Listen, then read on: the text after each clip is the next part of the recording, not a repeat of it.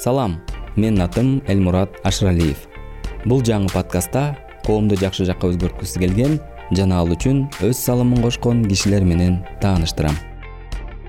Алар айланасындагы көйгөйлөргө кайдыгер эмес жана эч кимден жардам күтпөй эле маселени чечүү үчүн өз алдынча аракет кылышат.